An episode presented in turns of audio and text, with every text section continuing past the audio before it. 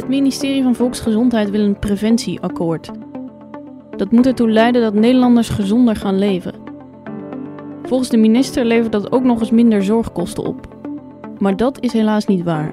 Want die kosten zullen niet dalen, maar verschuiven alleen maar naar een later moment in het leven.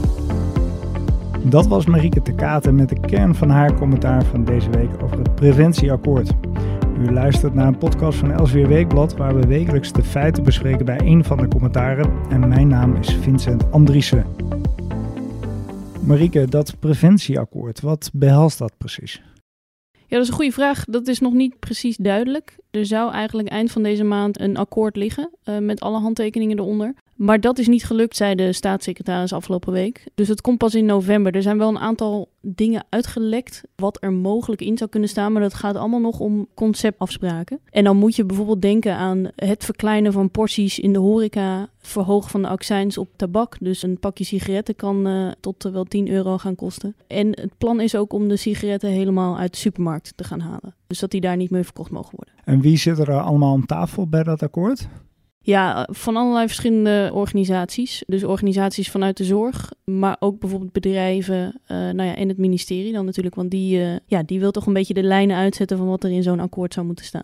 Het akkoord is een preventieakkoord, de naam zegt het al. Uh, we willen ervoor zorgen dat mensen niet de zorg nodig hebben. Waarom vinden we de preventie opeens zo belangrijk? Nou, wat je ziet is dat relatief veel Nederlanders ongezond leven. En dus ook relatief veel Nederlanders last hebben van overgewicht of bijvoorbeeld roken. En dat soort dingen leiden allemaal tot verschillende leefstijlziektes, zoals ze dat dan noemen. Bijvoorbeeld hart- en vaatziekten of diabetes, suikerziekte. En dat wil het ministerie eigenlijk met dit akkoord gaan voorkomen. Dat mensen die ziektes krijgen en dat ze nou ja, last hebben van de slechte leefstijl.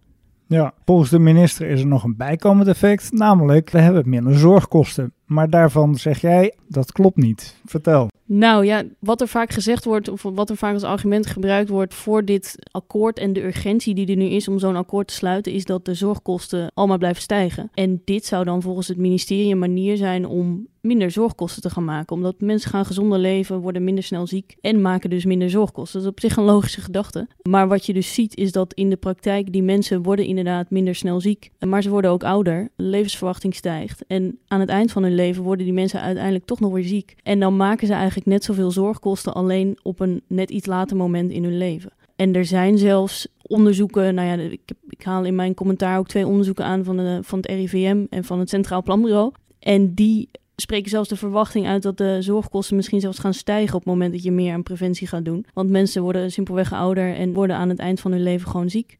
En dan kan het dus zelfs zijn dat je meer zorgkosten gaat maken doordat iedereen gezonder gaat leven. Dus qua kosten zou je misschien niet een preventieakkoord moeten afsluiten. Zijn er volgens jou toch wel goede redenen om hiermee door te gaan?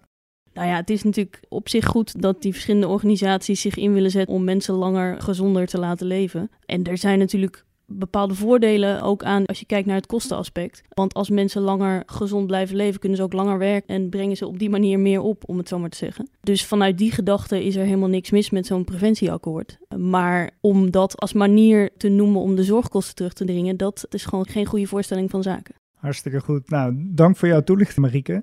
Preventieakkoord is prima initiatief dus, maar tot lagere zorgkosten zal het waarschijnlijk niet gaan leiden. Meer commentaar van Elsevier Weekblad vindt u in het magazine of online op www.elsevierweekblad.nl. Mijn naam is Vincent Andriessen en ik dank u hartelijk voor het luisteren naar deze podcast van Elsevier Weekblad.